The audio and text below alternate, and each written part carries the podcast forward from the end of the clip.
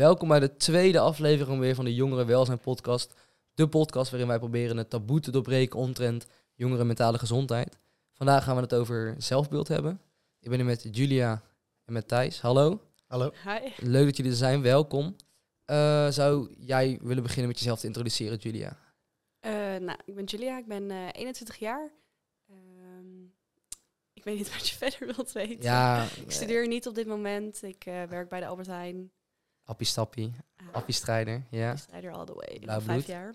ja? Ja, Vijf jaar al? ja. Doe je lekker. Ik heb al vijf jaar gepasseerd, man. Ja, lekker bezig. En eh naast jou zit Thijs. Hallo. Ja, ik ben dus eh, Thijs, 26 jaar. Eh, ik, ik heb ook mijn eigen mediabedrijf. Ik ken jou via de opleiding. Ja. Eh, en ja, En we gaan allebei in oktober afstuderen, hoop ik. ja, ja, ik, ik ga in september beginnen. Dus ik denk niet dat Ah, dat gaat lukken. Dan maar, wordt het lastig, dan- ja. ja. maar we gaan eh, eh, dit kalenderjaar nog afstuderen, allebei. Als het goed is. Ja, als het goed is wel. Of ze moeten me weer eh, niet eh, goed vinden. Nou, ik, weet- ik weet niet of jullie... De eerste aflevering staat ondertussen online. Eh, die is afgelopen zondag online gekomen. Eh, ik weet niet of jullie hem gekeken hebben of geluisterd. Ja, jij hebt hem geëdit. Dus Ja, jij, ja, jij zal het wel maar- weten. Zeker. Nou, wij, wij trappen hem elke week af met Quickfire. Dat is een... eh krijgen jullie een stelling. Ehm, we beginnen met jou, Julia. Dus we gaan nu eh, naar Quickfire. We trappen af met Quickfire.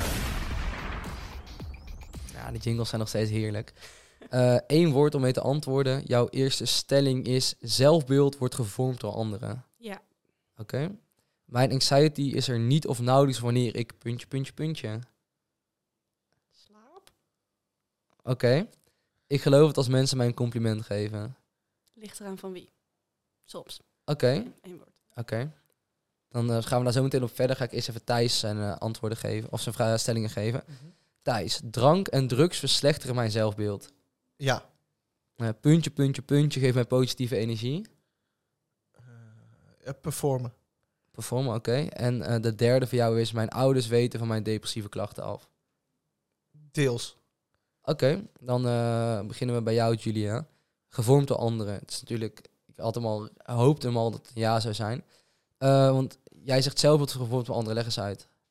Ik vind bijvoorbeeld nu heel erg met de druk met social media. Er wordt zo'n beeld weggezet met al het geëdit, wat je moet zijn. En Ja. anderen die iets over jou te zeggen hebben. En toch even snel commenten over bijvoorbeeld je uiterlijk. eh, dat je best wel eigenlijk bezig bent met het goed eruit zien voor anderen en minder voor jezelf. Dus ik denk heel erg, vanuit mij in ieder geval, als ik voor mezelf mag spreken, wordt het wel heel erg gevormd door anderen en meningen van anderen. En En, is, dat, door sociale media. en is dat bijvoorbeeld ook mensen die wat dichter bij je staan? Bijvoorbeeld dat je bijvoorbeeld snel daar onzeker voor bent of dat soort dingen? Nee, daarvoor juist minder. Het zijn juist de mensen die je niet kent, die dan Ja. met een blik naar je kunnen kijken, wat jij niet weet. Bijvoorbeeld als je uitgaat of zo, dat je Ja, dan niet weet wie je gaat verwachten. Ja, precies. Oké, Wat ze dan van je vinden. snap ik. Jouw anxiety is er niet of nauwelijks wanneer je slaapt. Dus eh, je wilt eigenlijk zeggen het is er altijd. Of Ja, ja, ja. bijvoorbeeld ook niet als je bijvoorbeeld aan het werk bent of, of iets anders. Of, Nee, je bent toch wel, tenminste, ik ben heel erg bang om toch een misstap te maken. Of dat ik dan toch iets doe dat mensen me niet leuk vinden. Of dat ze dan toch op me afknappen of zo. En dat is echt vier, ja, ja, bij 18 mij uur per dag, eh, omdat je natuurlijk, of een 16 uur omdat je 8 uur slaapt. Ja, ja, bij mij eigenlijk wel. Het speelt wel eigenlijk altijd. dat is wel heftig. Ehm, en het geloof als mensen mij een compliment geven was, ligt eraan wie soms. Eh, wat is het verschil?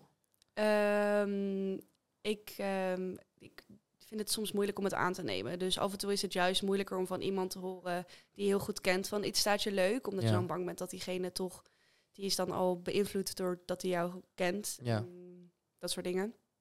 Dus af en toe is het fijner om eens te horen van een buitenstaander. Oké. Eh, maar ik vind het nog steeds moeilijk om te geloven. Ook Ja. al vind ik het zelf heel leuk om complimentjes te geven. Om te geven, zeg je? Ja. Ja, oké.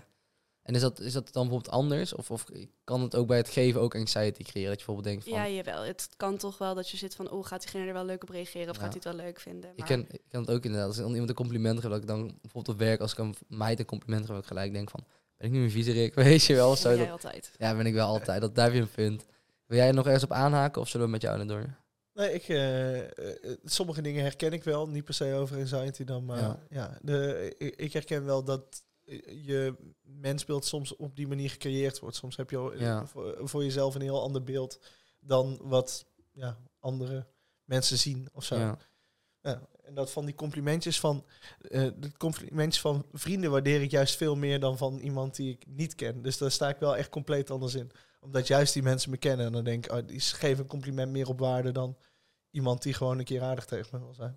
Ja, ben ik het ook wel mee eens. Ik denk dat het daar bij ook wel ligt met of het een, in, een complimentje over je innerlijk of uiterlijk is. Innerlijk Ja. vind ik inderdaad veel fijner om te horen van mensen die dicht bij me staan. Maar uiterlijk vind ik toch ergens fijner om te horen van andere mensen die er wat verder vanaf staan. Want die zijn dan vaak wat met puurdere intenties.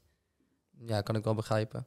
Ehm Thijs, dan voor jou. Drank en drugs verslechteren mijn zelfbeeld was een ja, toch? Ja, dat was ja, dat is zeker een ja. Het, eh, het bijzondere is, eh, soms is het een soort van coping mechanism. Want Ja. dan heb je zoiets van, ehm, ik voel me toch ook kut, het maakt vandaag niet uit. Ja. Ik, ik ga me, en ik heb dat met drugs meer dan met drank. Met drank heb ik, dat is voor mij op feestjes en Mhm. eh, op eh, zondag als ik de Formule 1 kijk, dan neem ik een whiskietje en daar Ja. daar is het dan. Ehm, maar ik, ik weet gewoon als ik er niet aan zit dat eh, de rest van mijn klachten ook minder worden. En als je op een gegeven moment veel alcohol gebruikt of veel drugs gebruikt, dan, eh, dan ga je spiralen. En dan, wordt die, dan wordt het steeds moeilijker om er weer uit te komen, als het ware. En is dat dan bijvoorbeeld van, jij, jij hebt natuurlijk dan wat depressievere klachten. Eh, is het dan bijvoorbeeld omdat je dan door, door een upper bijvoorbeeld denkt van, nu voel ik me echt top. En dan is die, dat wanneer je weer die dep- depressieve kant gaat, is het dan een extreem verschil? Of? Het is meer met katers en zo. Oh ja, Want eh, als, je, als je in zo'n downer, eh, als, je, als ik bijvoorbeeld de avond flink alcohol heb gedronken. en ik heb een superleuk feestje gehad. Ja. En ik heb daarna een dag dat ik helemaal niks heb. En ik heb een kater. En dan zijn er sommige dagen, dan sta ik gewoon op. En dan ga ik sporten. En Ja. dan heb ik een prima dag. Eh, en op sommige dagen lig ik de hele dag eh, in mijn bed. En dan voel ik me slecht. En dan, is het, eh, dan zit ik echt in de meest donkere hoekjes van mijn hoofd. ja. En ehm, die dagen zijn gewoon heel zwaar. En dan denk je, ik ben niet echt een geheel onthouder. Als in, ik, ik weet dat ik me, als ik, als ik gematigd alcohol drink, dat ik, dat ik gewoon een prima tijd heb. En daar kan ik prima mee dealen. Mhm. En eh, ik weet ook hoe ik sneller eh, me weer goed voel daarna. Da- Ja. dat, soort dingen leer je. Eh, en ehm, eh, welk punt wilde ik nou maken? Ja, dat je, dat je, dat, je bent geen geheel eh onthouder. ja, precies. Dus ik ben niet zo iemand. Sommige, soms moet dat als je bepaalde therapieën Ja. volgt. Ik heb dat nooit gehad, maar ik heb wel zoiets van ja, je moet je zelf wel een beetje in de gaten houden. Want als je jezelf daar compleet in verliest, dat zie ik bij mezelf, dat zie ik bij anderen, ja. dan, ja, dan wordt dat toch wel een, eh, een lastiger verhaal om eh, uit je depressie te komen. En dan wordt je zelfbeeld echt niet beter van. geloof ik. Ehm, jij zei performen geeft mij positieve energie. Ja, en dat heeft. Ja, ik, ik ben iemand die. Ik ben heel extravert. Ik Mhm. sta ook graag op podia. Ja. Ik ben zelf ook een mediamaker. En dat kan voor mij in van alles zitten. Dus ik, ik sta graag voor een groep. Ik speel Ja. sinds ik negen ben toneel. Ehm, eh, als ik dan echt een, een, een leuke repetitie heb of een leuke voorstelling, dan gaat het goed. Maar het kan ook zijn in mijn werk, als ik iets heb afgemaakt, gewoon echt die, eh, die, die endorfine rushes, die dopamine rushes van oh, ik heb even iets gefixt, dan, ehm, dan word ik gewoon wat trotser op mezelf. En dan denk ik, oh, ik heb het toch maar weer geregeld. En ja, daar gaat mijn... eh, dat, dat soort dingen geven ook wel, zeker op de lange termijn, een boost van... Ah, het is allemaal zo slecht niet. Ik krijg dingen wel gewoon gefixt, ondanks dat ik me zo voel, bijvoorbeeld. En jij sport ook heel veel. Eh, Ja. wij, wij- wij hebben wel een paar keer contact over gehad over hoe onze progressie ging. En jij, ik volg je ook op de app Heavy. Ja, En daar pak jij veel meer dan ik, kan ik op alles zien. Ja. Maar ik, ik had eigenlijk verwacht dat sporten dat dan zou zijn. Maar hoe kijk je daar tegenaan qua, qua positief? Of valt het ook onder performen? Eh, ook. Ja, want daar heeft je, daarom, daarom sport ik ook zoveel. Omdat daar echt hele specifieke... Je kan daar bijna per training een verbetering zien. Ja, Eh, en daardoor is het voor mij ook iets dat werkt. En ik heb voor mezelf ook wel... eh sport is een van die dingen die hou ik... eh, die hou ik eigenlijk altijd wel strak in mijn schema. Hoe slecht het met me gaat, dan ga ik maar iets langer, nee, iets later sporten op de dag. Of, Mhm. of dat is het enige wat ik doe op zo'n dag. Ik ga wel sporten. Ja. Omdat ik weet, dat geeft even een kick. En heb je toch het gevoel, ik ben toch even mijn huis uit geweest. Eh, en ik sport vijf, zes keer in de week. Eh, altijd krachttraining, soms, ge- eh, soms met wat cardio. En dat zijn. En ja, ik heb ook zo'n app er nu ja. sinds december gebruik ik zo'n Ja, hij app. werkt wel echt heel chill. Ja, het is en echt je- heel fijn om bij te houden. En ik zie gewoon mijn doelen en ik kan ook gewoon zien welke dalletjes ik heb gehad en hoe ik daar dan weer mee omga. En, Ja, dat geeft wel echt een enorme boost. En dat soort dingen probeer ik wel voor mezelf te, ja. ja. te creëren. Oké, en dan het laatste gedeelte was jouw ouders die deels van jouw depressieve klachten afwisten. Eh, je- wil je het niet vertellen of is het nooit ter pra- sprake gekomen of hoe komt dat? Ehm, toen ik 21 was, zat ik echt om een... eh, dus dat is nu vijf jaar geleden. Ja? eh, zat ik echt in, in, het diepste gat waar ik heb gezeten. Ja. Ehm, en toen, toen ben ik ook een tijdje terug gaan wonen bij mijn ouders. Mhm. Een, jaartje, een jaartje terug thuis. En toen heb ik, toen wist ze helemaal niks daar van tevoren. En eh, toen heb ik alles op tafel gelegd. En toen was het, eh, dit zijn de problemen. Ik had toen ook eh, andere, andere klachten. En ik had toen ook schulden gemaakt en dat soort dingen. En ik zat gewoon echt totaal niet lekker in mijn vel. En toen heb ik in één keer alles op tafel gelegd. En ehm, daarna is het met hoogte en stoten is het heel goed en heel slecht met me gegaan. Eh, en ik vertel ze wel bijvoorbeeld als ik een nieuw eh, traject... Ik, ik zit niet standaard bijvoorbeeld bij een psycholoog. En als ik dan weer in een traject ga, dan heb ik dat wel. Maar ik bel ze eh, niet bijvoorbeeld als ik een super slechte week heb of zo. Dan heb ik dat meer... Dan Ja, doe ik dat met mijn vrienden. Ook gewoon omdat mijn, mijn ouders hebben ook hun eigen leven en hun eigen struggles. En die wil ik daar ook een beetje deels in beschermen of zo. Ja, Ehm, en ehm, met vrienden is toch makkelijker level. Ja. Hoe, hoe goede band je met je ouders ook hebt. Ik heb eh, een goede band met mijn beide ouders. Ehm, maar, eh, en ik vertel ze ook wel alles, maar daar zijn meer... eh, als het ter sprake komt, vertel ik ze. maakt niet uit. Als het ter sprake komt, dan vertel ik het ze. En als, het, als het niet ter sprake komt, dan hoeven ze niet alles te weten. Dat is het een beetje. Snap ik. Maar ja, ik speel wel open kaart. Oké. Ehm, dan wil ik eigenlijk een beetje nog wat verder doorgaan op wat jullie hebben meegemaakt, wat jullie eigenlijk allemaal eh, weten ervan af. Ehm, want eh, hebben jullie allebei een officiële diagnose gehad of, of, is dat nog uitgebleken? Ja, bij mij dus met eh, een traumastoornis. Ik heb geen PTSS, maar ik heb wel andere traumatische eh stoornis, zeg maar. Ja. En dat is bij mij wel gediagnosticeerd. En hoe lang was dat geleden? Drie maanden geleden, denk ik. Oké. En daarvoor ben je nu ook in behandeling? Ja, nou ja, dat is dus bij mijn behandeling, bij mijn therapie eruit Oh, gekomen. oké, op die manier. Je moet daar ook op een gegeven moment gediagnosticeerd worden met iets om Ja. ook verder te kunnen. En is dat bij jou hetzelfde of is dat? Ik heb, ja, ik heb dit ook. Ik weet niet precies wat mijn diagnose is, heel eerlijk gezegd. Eh, Iets met, wel iets, iets met depressie in, Ja. eh, in, de, in de naam. Ja. Maar ik weet niet precies welke tak en daar en daarvan. En eh, wat dat betreft weet ik meer nog over mijn behandelingen en dat soort dingen dan over echt mijn diagnose. ja. Ehm, maar ja, iets met depressieve klachten. En, Want, want jij zei op je 21 zat je op je laagste. ja, En dat is nu vijf en een half ongeveer jaar geleden. ja, ja, ik heb toen geen therapie gevolgd, maar ben ik op een andere manier met zelfontwikkeling bezig gegaan. Mhm. En toen zijn dat soort dingen zoals sporten en zo begonnen. Ja. Ehm, en toen ben ik ook even gestopt met studeren. Ik was toen wel aan het werk, maar part-time. En dan heb je gewoon heel veel tijd om ook gewoon, zeker als je bij je ouders woont, heb je gewoon net wat minder stress, omdat je eh, niet alles zelf hoeft te doen. En nu moet je en je eigen huishouden runnen, en studeren, en afstudeerstress, en dat soort dingen allemaal. Snap ik. Rondkomen eh, is eh, vaak, vaak toch wel een extra stresspuntje. Ehm, ja, en ehm, eh, daarna ben ik wel in verschillende trajecten gegaan. Maar ik heb denk ik pas mijn diagnose gehad toen ik 24 was. Oké, dat is wel drie jaar later is best heftig, denk ik. Ja, dat je- precies. ik heb toen ook een tijdje bij een psycholoog gelopen. Eh, ik heb toen de stempel matige depressie gekregen. Mhm. Maar dat was echt vanaf het moment dat ik me slecht voelde. Ik denk vier maanden later ben ik wel daarmee gaan starten. Want het was echt wel, ik zat er echt somber in. Ja. En dan toen ik die stem- stempel kreeg, dacht ik ook wel van...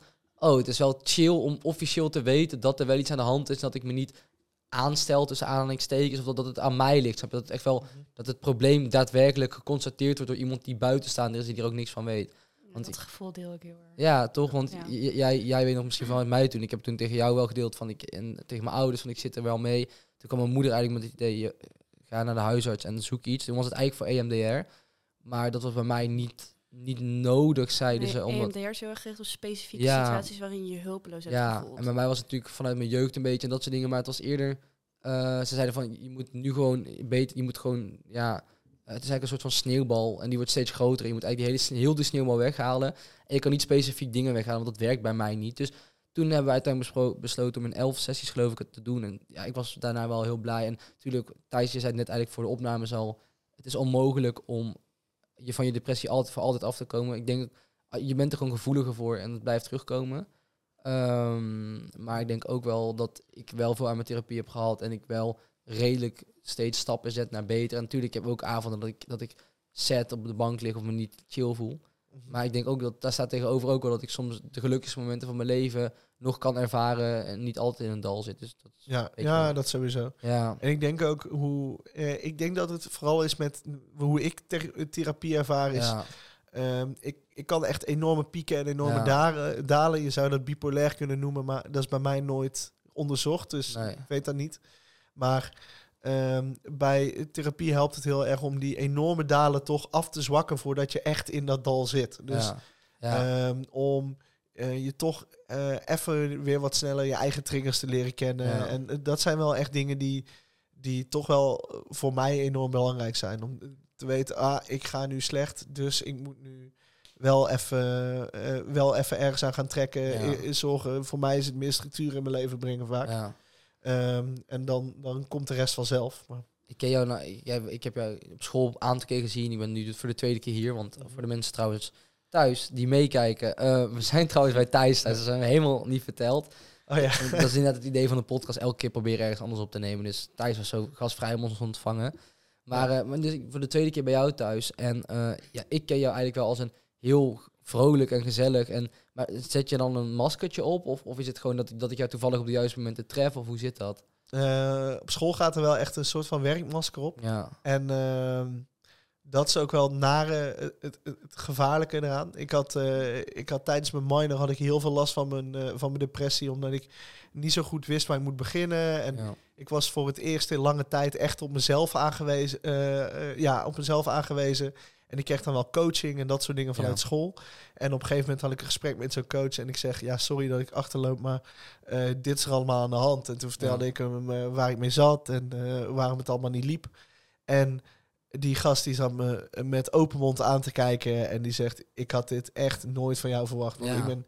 Ja, ik ben een vrolijke, ik ben een vrolijk clowntje en de, dat masker gaat op. En eh, Ehm, eh, hoe intiemer ik ehm, met mensen word, hoe, ehm, ja, hoe, meer het, eh, hoe meer het masker afgaat. En Ja. eh, bij, eh, ik, ik durf dat ook wel steeds meer te doen. Ik voel me niet altijd goed. Dat is gewoon zo. Ehm, en ik probeer daar wel altijd.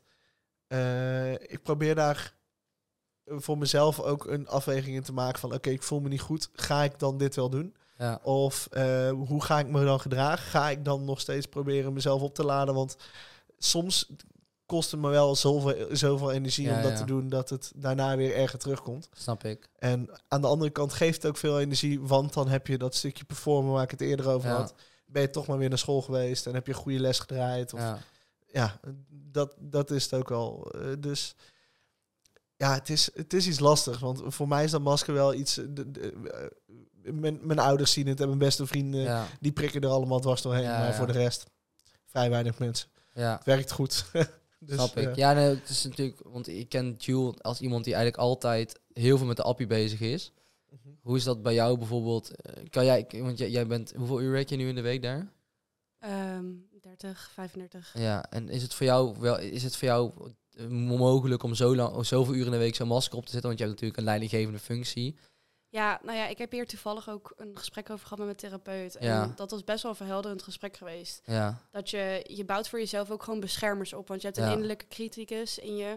Die gaat dan, dat is dat stemmetje in je hoofd dat dan zegt van... Oh, maar je bent niet leuk. Oh, je bent dik. En mensen zeggen dit en dat. Je hebt dan beschermers opgebouwd die je wel eh, goed laten voelen. En Albert Heijn, zeg maar, mijn baan daar is voor mij een soort beschermer geworden. Omdat het iets is waarvan ik weet dat ik het goed kan. zeker. Ik weet dat ik mijn werk daar gewoon prima doe en dat, dat krijg ik ook terug. Dus dat is dan gewoon zo'n beschermer, zoiets waarvan ik weet ik functioneer. Ik heb daar niet meer nodig dan dat ik zeg maar ja, in me heb. Ehm, en dat laat me gewoon goed voelen. Dus ja, daardoor is het een soort van beschermer geworden om ook niet. Ja. En het moment dat je wel bijvoorbeeld merkt van ik zit nu niet lekker in mijn vel. Als je een baaldag hebt, hoe, hoe is dat al op werk? Kan je dan wel zeggen ik ga nu acht uur knallen of zes uur knallen? Ja, Of- voor of- mij staat dat er wel best wel los van. Ik kan dat. Best wel een soort schakelen. Als ik bij de Albert Heijn ben, dan ben ik daar voor de rest. En allemaal heel leuk en aardig. Maar ik ben inderdaad de leidinggevende. Er staan eh, allemaal mensen onder mij die ook op mij vertrouwen. En ervan uitgaan dat ik er voor hun ben als er iets aan de hand is. Mhm. Klanten die gewoon eh, ja, service verwachten. Dus ik, als het dan niet goed met mij gaat, dan moet het wel heel slecht met mij gaan. En dan moet ik me gewoon ziek melden. Ja, Eh, want dan is het niet tegenover niemand eerlijk als ik daar ga staan. oké. Ehm, maar voor de rest, ja, ik vind gewoon dat ik daar moet staan en gewoon dan het moet geven. En dan heb ik daarna tijd om ja, me kut te voelen of even tijd voor mezelf te nemen, zeg maar. Ja, snap ik. Want eh, hoe uit het dan bij jou eh, als jij je bijvoorbeeld wat minder voelt? Ik ken jou, ik ken jou natuurlijk wat beter dan de, dan de meesten, denk ik. Maar zelfs ik prik niet altijd er doorheen. En hoe, hoe uit het dan bijvoorbeeld echt bij jou? Of hoe ervaar je het zelf? Ehm, dat is eigenlijk altijd wel als ik alleen ben. Ja. En dat is natuurlijk, ja, ik heb gewoon niet zo'n hele goede band met mijn vader. En Mhm. ja, vroeger gewoon was niet altijd eh, je van het thuis. En dan ga je ook heel erg dat leren verbergen en er niet over praten. En mijn broertje was altijd degene in huis die de aandacht nodig had. Dus het, het was ook nooit op mij gericht. Dus dat Ja. ben ik ook ja, gaan overnemen. Eh, dat, dat voelt dan als jou normaal. Dat voelt als veilig. Dus ja. ja, voor mij is het een soort van normaal. En het uitzicht bij mij gewoon heel erg in dat ik me terug ga trekken of wat stiller ben. Gewoon tijd voor mezelf neem. eh, of juist heel erg, ja, gewoon terugtrekken. Dat Ja. is bij mij vooral vaak. Ja, we hebben een stukje verderop ook een interview eh, met eh, een Janice heet zij, een professional omtrent dit beeld. Die, zij off recordings, want ze wilde het eigenlijk toevoegen, maar dat ze kwam, ze kwam ze pas op na, daarna. Zij begeleidt dus ook jongeren die dus problemen hebben met hun zelfbeeld en, en, en in de maatschappij staan. En die zei ook van dat die jongeren zelf aangaven als input voor het interview. Dat het best wel vaak inderdaad is dat het, dat het heel vroeger al gevormd was. Dus Ja. Ehm hoe heet het? Dat dus juist je ouders zijn een hebben een grote rol. Eh, daarna gaan je, je vriendje op de, op de basisschool het krijgen. Dan wordt het de middelbare school. Komt social media erbij. Dan krijg je je werkervaring. Dus heel veel mensen om je heen die, die, die gaan ervoor zorgen hoe, je, hoe jij je voelt. Blijkbaar tegenover hoe je naar jezelf kijkt. En wat jij dan bijvoorbeeld zegt. Als je, als je vader of eh, jou niet ziet staan. Laat het even zo sch- schalen. Als je broertje dan de aandacht krijgt. Dan ga je ook accepteren of zelf denken onbewust. Van oh, misschien doe ik er niet toe. Of oh, misschien heb ik die aandacht ook niet nodig vanuit huis. En dat snap ik heel goed. En ja, ik ben het Ja. er mee eens. hoor. Het is ook een stukje conditionering, soort van, zeg maar. ja, Dat je het gewoon, je gaat dat jezelf aanleren en het is jouw vorm van, van de realiteit, van, van wat waar is. En dat is sowieso met zelfbeeld wel hoor. Ja. Het is jouw vorm van de realiteit, jouw beeld ja daarop. dat, dat, dat is het zeker. Ja. En heb jij, ja, jij om zelfbeeld, hoe is dat bij jou dan bijvoorbeeld? Hoe is dat een beetje ontstaan? Ja, dat is een hele goede vraag. Dat is iets waar ik nog niet helemaal achter ben gekomen. Oké. Want ik heb toch wel een redelijk goede jeugd gehad. En eh, mijn ouders zijn nog bij elkaar. Eh, daar heb ik niet echt een. Ik heb daar ook niet echt een vijandige sfeer of zo gevoeld. Ja, Maar ik denk toch dat er daar in die jaren. Ik denk dat ik. eh, ik had vroeger wel altijd moeite met aansluiting vinden met, met vriendjes. Ik had altijd Ja. maar één of twee vriendjes en dat was het dan. En hoe ouder ik werd, hoe beter dat werd. En ik denk dat er daar toch ergens in dat pad iets, eh, iets is misgegaan. Eh, want ik ben natuurlijk een, iemand die graag vrienden, vrienden maakt. En ik omring me het liefst met zoveel mogelijk mensen, want daar ga ik goed op. En ik denk dat ik dat een beetje heb gemist. Dus misschien is het een beetje overcompensatie. En da, daar zou dat misschien dat stemmetje in je hoofd toch denkt van... De, als in kleine Thijs, die was het niet gelukt om vriendjes te maken. Dus waarom lukt het je nu wel? Ja, ja precies. Ah. Van, eh, ja, zoiets. Of Ja. eh, ehm, waarom, eh, waarom hang je nu alleen op de bank? Ja. Dat is toch nergens voor nodig. Er zijn toch nog genoeg anderen met wie je nu kan chillen, bijvoorbeeld. Is dat dan een soort van, misschien dat, dat je dus eigenlijk aan het, ja, wat je zegt, overcompenseren, omdat je vroeger te weinig had, dat je nu zoveel mogelijk uit wil halen en dan verdrietig wordt als je niet met anderen bent. Ja, dat is het Heb misschien jij een ook beetje. een soort van bindings-verlatingsangst of is dat niet per se? Ja, ik heb wel, eh, ik heb wel bindingsangst. Ja? Daar ben ik wel achter gekomen in eh, de relationele sfeer. En, en jij ook of niet per se? Ja, beide. Beide, ja. En dat komt ook vanuit vroeger, denk je, of... Ja, Ja, ja dat is wel, wel echt heel heftig eh, om dat dan zo mee te maken. Want eh, ja, je wordt eigenlijk gevormd. Want ze zeggen altijd, tot aan je twaalfde kan je bijna niks herinneren van je jeugd. Ik, ik ook echt bijna. ja, ik heb ik weet bijna niks, behalve inderdaad die momenten, wat, je, wat jij, de negatieve dingen van dat je maar twee vriendjes had. Of wat, wat momenten die er in je jeugd zijn gebeurd. En dat is, dat, dat, dat overheerst dan misschien heel erg in je leven. Dat je alleen die momenten misschien nog bij je draagt of bij je hebt. Ja, en eh, ik denk dat het ook zo. ehm, eh, ik heb dat helemaal toen ook niet als negatief ervaren of zo. Ja. Ik had nooit dat ik me toen eenzaam voelde. Ik kon heel makkelijk mezelf dagenlang bezighouden. Ja. En nu, eh, nu vind ik dat veel lastiger. Omdat, ja, ik weet, ik weet niet waardoor dat komt, maar eh, je, je vormt jezelf natuurlijk heel erg in je puberteit en veranderen heel veel dingen. En Ja. ik, ik denk dat er daar, toen zijn ook de eerste vormen van die klachten ontstaan. En geen idee waar en geen ja, idee ja, hoe. puber is eh, sowieso heel lastig. Ik bedoel, er giet van alles door je lichaam, hormonen. En je begint voor het eerst met drinken en liefde. En ik denk dat, dat er in je jeugd, ja, dat daar ook wel een best wel een basis wordt gelegd voor onzekerheden. Ik ken dat ook hoor. Ik was, ja, je kan het aan mijn moeder vragen, die hier achter de camera staat in principe. Maar ik was vroeger juist het, het ventje wat, wat, eh, wat, wat echt scheidt aan alles en iedereen. Weet je, als ik roze sokken wilde dragen, ondanks dat mensen dat als gay zagen of wat dan ook. Ik droeg roze sokken en ik had, ik had haar tot hier, weet je. Als, als, en ik had er scheid aan. En ik, ik was letterlijk wie ik was. En op een, ik stond op een podium en ik, ik liet me horen en ik zei wat ik dacht, weet je. En dan ga je naar de middelbare school en dan komen die... En dan komt het stemmetje in je kop. Want er zitten daar zoveel mensen en iedereen... Het is een soort van... Iedereen wil de aap op de rot zijn en... ehm, je krijgt heel, en dan komt social media er nog bij en je gaat je vergelijken met anderen. Niemand deelt natuurlijk als het kut gaat op social media. En als dat tegenwoordig gebeurt, denk je ook van... Hou je mond, dit staat nergens op. Terwijl het eigenlijk juist heel mooi is. Dus we maken het ondertussen eenmaal te keer. Maar Ah, maar nu is, het, nu is het wel weer terug. Dat, die kleine Owen heb ik het idee. Want Ja. als, je, als je jou kent, je bent nog steeds iemand die... eh, je bent nog steeds een entertainer. Ja. Je bent niet bang om dingen te zeggen. Ehm, eh, en dat kunnen ook hele controversiële of ongepaste dingen zijn. hoe Ehm, bedoel je?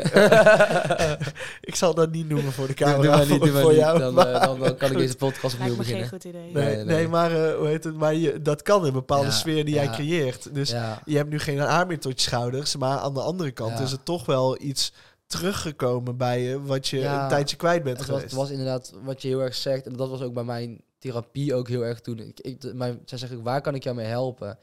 En ik zei letterlijk, ik wil weer in de spiegel kunnen kijken en tegen mezelf kunnen zeggen, motherfucker, you're gonna make it. En dat was letterlijk hoe ik vroeger naar mezelf keek. Als ik in de spiegel keek, ik wist gewoon, eh, ik, ik ga het maken. En het maakt niet uit hoe of wat. Het was gewoon, dat wist ik gewoon. En ehm, ja, en to- to- tot op een bepaald moment dat het wat minder ging. En zeker toen ik dus echt in die diepte zat in corona, want ik heb echt mensen om me heen nodig. En ik geniet van me. En nu ik op mezelf woon, kan ik juist ook wel genieten van mijn avondjes alleen. Maar ehm, ik had toen ik thuis woonde, had ik altijd mensen om me heen nodig en mijn uitlatingen en gewoon, met, gewoon mijn gezelligheden. En toen was het echt bergafwaarts en toen dacht ik van, nou, toen was het echt van, ik doe er niet toe en ik zie er niet uit en ik, ik- wa- waarom, wat doe ik, weet je wel. En Ik zeggen, toen in die coronaperiode ook gewoon echt, echt gewoon weken, gewoon dat ik jou niet zag. ja, dat was ook, ja, dan moet ik ook eerlijk zeggen, het was ook bij ons thuis, eh, mijn moeder was, is ZZP'er, dus het was voor ons ook best wel een risico om, om, om ja. Ja. weet je, als, als mijn moeder long covid zou krijgen, dan lig je een half jaar eruit. Ja, zeg maar dag tegen de leuke dingen doen thuis, weet je wel. Zeg maar dag tegen eh, één keer in de week eten halen of, of, eh, naar de, of uit eten of, of leuke verjaardagdingen, weet je. En dat, ik snapte dat ook wel heel erg. En achteraf, het- op het moment snap je het niet, want dan denk je, ik wil gewoon mijn dingen doen. Maar achteraf denk je ook al van, ja, weet je, als, ik ben ook met mijn onderneming bezig. Stel je voor dat ik een gezin moet onderhouden en daar, dat, deel, dat gaat voor 50% op mijn inkomsten. Ja, je kan het risico niet nemen. En achteraf is het altijd makkelijk of, of mooi wonen, weet je. Ik bedoel, Ja. Ehm, makkelijk praten. ja, ik bedoel, je weet achteraf wel, corona was niks. Maar ja, op dat moment, je kan het risico niet nemen. En op een gegeven moment waren mijn ouders ook wel steeds meer van... Oké, nodig maar een vriend uit. Of oké, ga maar een keer dat terras. Of, of, of ga maar naar dat feestje. En dat waardeer je dan ook heel erg. Ja. Eh, maar je hebt echt wel gelijk. Je bent er soms weken niet geweest. En ik ben toen heel erg gaan zoeken in streamen op Twitch. Uh-huh. Eh, daar ben ik mijn contact gaan zoeken. En dan kom je best wel ander soort mensen tegen dan ik Toen normaal had mee jij op- toch op een gegeven moment ook allemaal dingen toegestuurd gekregen. Ja, Zo, dat was ja. inderdaad ook wel. Ja, ik had echt... ik Oh, had- leuk. ik had echt fans, dus, dus gewoon een jongen die, die was echt fan en die stuurde ook gewoon dingen naar mijn huis van die Funko Pops. Ik weet niet of jullie dat iets zegt. Ja. Die poppetjes met die grote hoofd. Ja. En, Ja, ja. en echt, ik kreeg donaties som- soms waarvan ik dacht van, ik werd daar juist weer heel ongemakkelijk van, want ik vind het heel moeilijk om geld en dingen aan te nemen. Ik kan me daar niet in plaatsen. En van die streamers die zijn, oh mijn god, dankjewel. En ik ben echt van, had je niet hoeven doen, maar toch bedankt. en ja, ik was gewoon mezelf, maar op een gegeven moment raakte ik daar ook wel een beetje verslaafd aan, omdat ik was zo erg op die grind. Want was, bij mij was het opstaan, eh, school, werk, streamen, slapen. En was Ja. elke dag. En ik was, had gewoon geen enkele seconde vrije tijd. Als ik twee dagen niet live ging, omdat ik even wat moe, vermoeider was, dan kreeg ik weer, eh, kreeg ik gewoon weer DM's van wanneer ga je weer live. Ik kreeg letterlijk anderhalf jaar nadat ik gestopt ben met streamen, nog steeds maandelijks DM's van wanneer ik weer live ga. Dus eh, het zegt wel dat je toen iets goeds hebt gedaan. ja, en dat zeker. je Ik, heb ook een, mensen ook iets, iets ja, geeft. ik heb in een jaar meer dan 700 volgers opgebouwd, dus dat is, dat is best netjes. Maar En die missen je nu allemaal ook. ja, denk, denk het wel, blijk- blijkbaar. Wel, Elke avond liggen die huilen Ja, nou, ik krijg oprecht, ik, had, ik, ben, het- ik ben ook weer met mijn eigen YouTube bezig. En er op een gegeven moment kreeg ik, eh, En de podcast nu. ja, in de podcast nu, maar op mijn YouTube-video kreeg ik dus een reactie. Leuke video, wanneer ga je weer live? Ik zweer het, die was, die was vanochtend gepost. Maar Wat leuk. ja, nee, maar dus, dat was voor mij, bij mij is het heel erg, ik kan juist mezelf tegenkomen als ik ga overwerken. Als ik te veel doe, te weinig slaap. En, en ik vind alles leuk. Ik ben een ADHD'er to the max. Dus juist als ik te veel doe, dan sla ik door. Ja, En- ja ik, ik, ik vind het wel grappig, want jullie keken op die, eh, op die hele coronaperiode, kijken jullie heel anders terug dan ik. Eh. Want ik heb juist, ehm, toen ik weer aan het werk moest, Ja? toen ging het bij mij allemaal mis. Ja? Want ik heb, ik, ik- mijn, mijn pad loopt ook net wel anders. Ik ben Ja. vanaf 2014 ben ik eh, klaar op de middelbare school. Toen eh, heb ik van 2014 tot en met eh, 2020 ehm, bij, altijd eigenlijk bij hetzelfde horeca-uitzendbureau gewerkt naast mijn studie. Dat was niet super goed voor mijn studies, maar wel heel erg voor mezelf. Dat begint met een A of niet? Eh, eh, nee, nee, nee, Misoplas. Oh, ik dacht carte, dacht Nee, nee, nee, nee, dat was de concurrent. Ja, Maar dat nee, daarom. Maar Misoplas eh, heb ik... en, da- en daar kreeg ik voor het eerst echt... Want op school, ik was wel goed. Ik, eh, maar toen op een gegeven moment moest ik ook eh, van VWO naar eh, Ah. HAVO. En als ik daar nu op terugkijk... Ja, heel eerlijk gezegd, omdat ik geen zin had om mijn huiswerk te maken. Ja, je, je misschien herkennen. En Ja. omdat ik toch wist dat ik niet, niet echt die theoretische kant op wilde... maar ik wilde dingen gaan doen. Ik, Ja. En toen kwam ik op het hbo en toen moest ik wel heel veel doen. De eerste studie ging dat mis. Mijn stage en zo ging allemaal wel prima, maar al het werk eromheen wat minder. En toen, eh, toen begon eigenlijk die, die hele zoektocht pas. Want ik dacht op de middelbare school, ik heb het helemaal uitgevonden. En toen kreeg ik op, eh, eh, toen kreeg ik op een gegeven moment de waardering en dat soort dingen. En bij Misoplas mocht ik telkens hoger op de ladder. En op een Ja. gegeven moment mocht ik landelijk. En op een gegeven moment was het... eh, er wordt hier eh, live gebirield. Eh, ja, ja, inderdaad. ik ga hem zo ook even maken. Ja, is goed. Eh, maar ik maak eerst... Apple Watch, je bent altijd live. Ja, ja, ja, je bent altijd live. Ja, maar dat is ook belangrijk van dit soort dingen. ja. En toen kwam, de, toen kwam de pandemie. En, toen had ik best wel ook een nare periode. Maar ik woonde met 13 man. ja, dus dus bij je- ons je- was het altijd feest. Dat is waar. Ja, je kon natuurlijk gewoon... Jullie huishouden was gewoon altijd een gezellig huishouden. Ja, precies. En Ja. als ik dan een keer naar mijn ouders ging, één keer in de drie weken, dan... eh, John, heb je niet d- last van zieke FOMO? Nee, ja, huh? Wat? FOMO? Nee, nee, nee, nee, maar daar had ik echt geen last. Ja, Oh. toen, ik zat daar gewoon... Ja, hij had natuurlijk 13 man thuis. Dus eigenlijk elk feestje maar wat als hij je daar mee... dan niet bent. Oh, Oh ja, maar nee, eh, veel wel mee, want ik wil mijn ouders toch ook een keer zien, weet je wel. Ja. Dus Toch dan- ja. wel? ja, want mijn ouders zijn super lieve mensen, dus dat is allemaal... nog er wordt nog een viriel. Ik zou voor de kijkers en luisteraars thuis, ik zou maar een viriel laten Knippen maken. dit er wel even uit. Ja. Helemaal mooi. Nee, ik ga niet knippen, heb geen zin in. Nee, Eh, maar ik, nee, ik snap, ik ik. snap, Weet ik je zat, hoeveel gedoe daar is? ja, ja, jij mijn podcast geëdit, dat is echt veel gedoe. Nee, maar ik zal hem even terugpakken. Ja. Eh, dus eh, ik woonde dus met 13 man in huis. Dus voor mij Ja. was het echt heel anders om, eh, om die coronaperiode te... Want wij gingen gewoon... Wij zaten gewoon eh, vier van de zeven dagen zaten wij gewoon te zuipen. Ja. En dan was het echt niet elke avond to de max. Maar je had het wel gewoon gezellig. Ja. En zat je thuis een beetje achter je laptopje. En dan ging iemand boodschappen doen. En dan was het gewoon om zes uur koken, zeven uur eten... eh, en, om, eh, en om acht uur, half negen ging je samen kijken welke wedstrijd er die avond op tv was. Ja, dat is wel echt leuk. En dan escaleerde dat gewoon naar het volgende feestje. En dan lag je om één uur half dronken in bed. En dan Ja. had je een topavond gehad. En zo ging dat gewoon. Ja, Jules kaart hem net wel aan. Ik, ik had wel echt FOMO op een gegeven moment. Zeker Ja. omdat, het, omdat de, de, de, de teugels gingen iets losser. Bij, niet per se bij de overheid, maar vooral bij mijn vrienden, hun ouders. Ja. eh, En ehm, dat werkte voor mij heel... oh, sorry. nee, maar, Ik ja, sloop de hele setting. dat werkte voor mij heel eh averechts. Dus ehm, ja, juist om, mijn, mijn ouders volgden ook al mijn vrienden. En die stonden elke week op een ander huisfeestje. En, de- en toen zeiden ze ook van, oké, er zijn nog bij paar... ons in de vriendengroep was het op een gegeven moment ook wel extreem hoor. Dat we echt avondklok gingen trotseren en dat Ja, soort dingen. dat, eh, ja, Het was ook niet, als ik zo terugkijk, ja, het, het leek heel leuk en heel spannend Ja. allemaal. Maar dat had, dat had ook gewoon flink mis kunnen gaan. Ja, als, als, ja, dat was het ook. Dus ik, ik, nogmaals, ik blame mijn ouders niet. Maar het was voor, mij, omdat mijn vrienden juist zo extreem gingen, dachten mijn ouders ook van... Ja, we zien bijvoorbeeld bepaalde mensen elk weekend met, met andere mensen op echt enorme feesten. Ja. Ja, doe dat maar niet, want Nee. dat is gewoon 100% kans dat die het hebben of zo, weet je wel. Ja, ja, precies. Dus eh, ja, dat was toen wel heel erg. En ik denk dat ja, daarna is het bij mij, wat jij dus zegt, om het verhaal nog rond te maken. Ik heb nu wel weer het punt dat ik bereid heb, dat ik wel weer kan kijken en denken, oké, het is niet zo erg als vroeger. Dat, daar ben ik nog aan het werken, maar dat ik wel weer...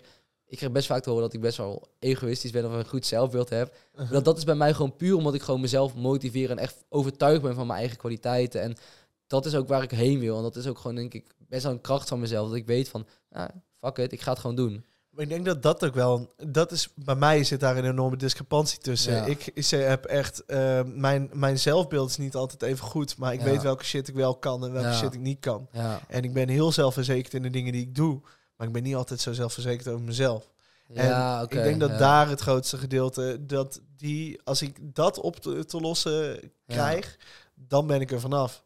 Dus het is echt Maar- jouw, jouw beeld van, het is bij jou niet de in, inhoud, maar de buitenkant. Ja, het is dat, dat, dat- jij had het net al over dat, dat stemmetje in je hoofd. Ja. Eh, eh, ik luisterde toevallig gisteren een podcast over Francine Omen. Eh, en die, Oh, ja.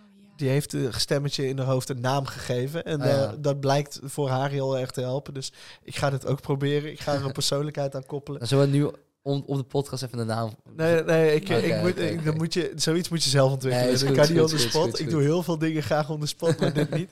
Is Eh, goed. want dat gaat te diep. Maar, hoe heet het? maar dat is wel dat is wel zo'n dingetje. En dat, dat stemmetje in je hoofd moet je leren accepteren. En Ja. aan de ene kant krijg je daar ook hele goede punten uit. Want het is wel mijn drive om achter elk project wat ik maak... Ja. eh, er niet de kantjes van af te lopen. Want ik wil dit graag doen. En ik wil Ja. dat mensen graag zien dat ik het goed doe. Want daar krijg je energie van. Maar ja, om dat toch door te vertalen terug jezelf in... dat is de moeilijke stap. En dat is hetgene waar je mee struggelt. Tenminste, als ik voor mezelf spreek. Ja, ik ook hoor. Ik had dat gesprek ook met mijn therapeut heel erg over dat je dan, je hebt je innerlijke criticus, je hebt dan je beschermers, maar je hebt ook bijvoorbeeld een hele rationele kant van jezelf. En heel erg, ik weet niet hoe hij het precies noemde. Even die foto erbij. ja. Die was heel goed. Oh, ik ben hem weer kwijt. Maakt niet uit. Omdat je die viriel ging maken. ja, allemaal kwijt. maar dat had je, Helemaal, eh, want de beschermers en de, de kritisch hadden we gehad. Maar ja, wat, het is dan heel erg. Je hebt dan je innerlijke criticus, die beschermen je door de beschermers die je zelf hebt opgebouwd. Ja. Dus door echt ehm, bijvoorbeeld misschien bij jou dat juist heel erg in de extreme gaan zitten. ja, Eh, dat is echt heel erg die beschermers die jou daar dan heel erg ja, voor Ja. beschermen. Ehm, maar je hebt ook heel erg bijvoorbeeld een rationele kant. En die gaat dan heel erg denken van ja, allemaal heel leuk en aardig. Maar als ik echt zo stom was, waarom heb ik dan vrienden? Ja, Ja. ja, En waarom heb ik dan een baan? En Ja. waarom heb ik dan, weet je wel, dat? ja, En hoe meer je naar je rationele kant gaat luisteren... en hoe meer je dat soort dingen echt gewoon in perspectief gaat zetten... wat mijn therapeut ook heel erg aanraden is... zou je ook zo praten tegen jongeren jij... als dat je nu Ja. tegen jezelf praat? En dan ga je denken, ja, maar ik zou nooit zo tegen mijn jongeren zelf Ja. praten. Waarom praat je dan nu wel zo op die manier tegen Ja. jezelf? Gewoon heel erg dingen rationaliseren, heel erg in een, in een perspectief zetten. En dan ga je echt wel eens soms denken van... oh, ja. het is, eh, ik ben toch best wel met iets bezig... wat eigenlijk helemaal nergens op slaat. Oké, ja. Dat is denk ik wel een goede manier om naar te kijken dan. Omdat, ja, hoe rationeler, hoe logischer het wordt natuurlijk. Heb je, eh, hebben jullie voor de rest nog tips richting de mensen thuis die misschien hiermee struggelen of die, die, die misschien Dan gaan we al richting de do's en don'ts, toch? Ja, dat is wel waar. Misschien dat we of het einde moeten bewaren. Zullen we dan eerst even het interview eh, met eh Janice gaan beluisteren? Ik heb dus zoals elke week een interview voorbereid. Eh, de- deze keer met Janice. Super interessant interview. Ehm, dus ja, we gaan er even met z'n drietjes naar luisteren. En dan komen we daarna gaan we het... eh, Zij werkt met mensen met een eetstoornis, toch? Nee, nee, nee, nee, dat is weer later in de podcast. Nee, Oh. zij werkt met eh, mensen die ehm, problemen hebben met zelfbeeld en eh, zoveel klachten hebben dat ze niet meer zelfstandig kunnen leven. Dus zij ondersteunt die mensen om Oh, dus ja. daarmee te helpen en hoe zij er naartoe kijken. Dus eh, laten we daar even naar luisteren. Wat denken de experts? Nou, op dit moment heb ik een interview met Janice. Eh dankjewel voor je tijd die je hebt vrijgemaakt. Eh, Graag gedaan. Zou je jezelf eerst even willen voorstellen misschien? Ehm, ja, ik ben eh Janice, eh 30 jaar oud en ehm, ik werk bijna 10 jaar in de jeugdzorg. Ah, mooi. Het past eh, perfect bij dit onderwerp, denk ik. Voor de mensen thuis, ehm Janice die kent Raf ook, dus dat is superleuk dat, eh, dat, dat uit die podcast een beetje de dingen samenkomen. Ehm, even kijken. De eerste vraag die ik eigenlijk heb is, we hebben het natuurlijk over zelfbeeld vandaag. En eh, waar denk jij dat het probleem met zelfbeeld ligt onder jongeren? Ehm, nou ja, die vraag is natuurlijk heel erg open en groot, want het is Mhm. een ehm, allesomvattend probleem. En ik denk dat je vanaf je jeugd al gevoelig kan zijn voor eh, dingen van buitenaf die met zelfbeeld te maken gaan hebben. En als je jong bent, dan heb je natuurlijk je eigen identiteit nog niet ontwikkeld. Dus dit is echt de fase waarin je bezig gaat met wie ben ik, hoe, hoe, hoe wil ik mezelf vormgeven, hoe wil ik mezelf uiten. Ehm, en dat doe je eigenlijk aan de hand van je eigen omgeving waar je je in bevindt. Dus Ja. het is eigenlijk het cruciale moment om jezelf te ontwikkelen. Ja, jij zegt dus eigenlijk als dat fout gaat in je jeugd, dan is het gelijk een probleem. Of... Nou ja, dan ben je daar heel erg kwetsbaar voor, waardoor je eh, ja, heel snel er last van kan gaan krijgen en toch eh, een soort van negatieve ja, gewoontes kan ontwikkelen om jezelf te beschermen of om het te kunnen uiten. En is dat iets wat meer in je DNA zit of iets wat je meer aangeleerd krijgt bijvoorbeeld? Ja, ik denk dat het, eh, dat het een combinatie is van beide. Maar ehm, je omgeving, dus hetgene wat je aanleert en wat je tegenkomt, je ervaringen, die spelen wel echt een grotere rol. Oké. Ja. Ehm, jij gaf aan dat jij ehm, jongeren begeleidt richting eh, het weer positief naar zichzelf kijken en het terugkeren in de maatschappij. Ehm, Wat zijn dan bijvoorbeeld karaktereigenschappen die jij terugziet bij jongeren tijdens of na een succesvolle behandeling? Ehm, nou, dan zie je gewoon het zelfvertrouwen groeien. Maar eh, het mooiste is eigenlijk eh, het stukje zingeving die ze terugvinden. Ja, Op het moment dat ze iets vinden wat echt bij hun past, dus echt bij hun eigen identiteit past, waar ze Mhm. enorm enthousiast van worden, waar ze zin in hebben, ja, dan zie je ze gewoon uiteindelijk helemaal stralen. Want dan kunnen ze weer ergens voor gaan. En dan durven ze ook weer ergens voor te gaan. ja. Ja, en daar krijg je energie van. ja, ja, mooi. Ik hoor, ik, hoor de, ik hoor de lach in je stem. Dus dat is echt wel eh, mooi om ja, te daar horen. word ik blij van. Ja, dat hoor ik. Super tof, super tof. Ehm, nou, dat is inderdaad logisch. En s- helpen jullie dan de jongeren om iets te vinden waar ze echt blij van worden? Of, of komen ze daar zelf vaak mee van ik wil graag dit of dit gaan doen? Ja, dat is heel, heel wisselend. Maar eigenlijk, uiteindelijk komen ze er zelf mee. Want alles wat je ze probeert aan te dragen, is eh, in eerste instantie helemaal niks aan en niet leuk. Ja, En wat wij vooral doen, is dus echt met het zelfvertrouwen bezig gaan. Waardoor ze dus weer durven te dromen en ja, kansen durven aan te pakken. Want Ja. zolang die basis, als die basis niet goed is, ja, dan ga je niet in beweging komen. nee, nee, klinkt helder inderdaad. En is dat lastig of, of verschilt het echt per persoon? Ja, dat verschilt per persoon. Soms zit je ook echt, eh, ze moeten het uiteindelijk echt zelf willen. Dus ja, als, ze niet, als ze zelf geen motivatie kunnen opbrengen, dan zit je aan een dood paard te trekken en komt er geen beweging. Mhm. Ehm, dus de kunst is om ze gemotiveerd te krijgen, waardoor ze zelf in beweging gaan komen en dus zelf op onderzoek uitgaan. En is er ook een mogelijkheid dat mensen bijvoorbeeld afgewezen worden als het te lang duurt of te weinig progressie is? Ehm er gaat wel heel veel tijd overheen. Je wil wel alles uit de kast trekken met ze. Ja, Ehm, maar op een gegeven moment ga je wel kijken van, is dit, zijn wij de plek die, eh, die helpend is voor jou? En zo niet, ja, dan ga je samen verder zoeken naar een andere passende plek. Want soms ligt er ook nog gewoon heel veel problematiek voor. ja, eh, waarvoor ze eerst behandeld moeten worden bij een psycholoog. Of, ja. ja, waardoor het bij ons dus eigenlijk nog net een stap te ver is. Oké. Nou, helder. En wat zijn dan ehm, de eerste stappen die jongeren zetten richting progressie? Dus je had het al over een, iets zoeken waar ze dan bijvoorbeeld heel vrolijk van worden. Maar wat zijn echt de eerste stappen als ze merken, ik heb nu hulp nodig? Ja, nou ja, eh, in het geval van mijn werk is het echt heel erg, ja, wij noemen het landen. Dus ja. echt tot rust komen uit de eh, onveilige situatie eh, stappen waar je daarvoor in zat. En wat je hier ziet is dat de jongeren dus eerst op een veilige manier contact gaan maken met elkaar. Ja. Want eh, het is een klein clubje jongeren die bij elkaar komt. Ze leren elkaar net kennen en eh, er stappen mensen in en mensen uit. En het is heel belangrijk dat ze zich met elkaar veilig gaan voelen. Waardoor eh, ja, je dingen durft te doen met elkaar. Ja. En daarvoor doen wij sociale, ja, sociaal spel met ze, waarbij ze goed uitgedaagd worden en uit hun comfortzone gehaald worden en elkaar echt leren kennen. En zodra we merken dat die basis er een beetje is, kunnen ze ja, stappen gaan zetten. Oké. En ehm, eh, um, als, als ik een beetje... Het zijn veel taken die jullie hebben. Met hoeveel jongeren werken jullie ongeveer? Eh het wisselt heel erg. De groep bestaat eh, meestal tussen de 8 en 15. En met hoeveel man personeel? Of met hoeveel hulp... Hoe moet je dat noemen? Hulpverleners of personeel? Of hoe zou ik dat noemen? ja, ja, zorgverleners, Oh ja, hulpverleners. zorgverleners. Ja, dat, is- dat is een mooie. Met hoeveel zorgverleners doen jullie dat? Ehm, twee per dag. Maar, of twee, twee professionals zeg maar per Ja. dag die op de met de groep zijn. En dan hebben we ook nog stagiaires. Oh ja. eh, ja. En zoals we het noemen, werkplaatsleiders. En dat zijn mensen die komen ehm, bijvoorbeeld met ze koken. Of, Oh, op die manier. dus dat is wat meer gespecialiseerde of ge- gespecifieke vakken, zeg maar. Ja. En dan moet ik het zien als in, eh, die mensen zijn dan zo uitgeteld en zo slecht beeld dat ze dan bijvoorbeeld niet meer de, de wil op kunnen brengen om te koken. Of ze zijn dat gewoon nog nooit gewend. Of Ja, of ze hebben dat nog nooit geleerd, omdat Ja, hun, oké. hun, hun thuissituatie gewoon bagger is. Ja. Oh ja, oké. Nou, ik wil je heel erg bedanken voor je tijd. Het was een super interessant interview. ja, Ehm, leuk. Ja, ik denk dat de, dat de, de kijkers en luisteraars er ook heel veel aan zullen hebben. En ja, ik wens je nog een hele fijne dag. Ja, jij veel succes. Dankjewel. Doei. Doei. Nou, dat was het eh, interview met Janice over... eh, z- zij is zorgverlener voor jongeren met problemen qua zelfbeeld... en begeleidt hun bij het, eh, ja, het wonen. Eh, zoals jullie hoorden, het zijn dan vaak jongeren die dan bijvoorbeeld... eh, of thuis niet... me- Die, ze worden begeleid met koken, maar ook met bijvoorbeeld eh, gewoon de leefstijl oppakken. Ehm, ze vinden het ook lastig natuurlijk om ehm, die drijf te vinden.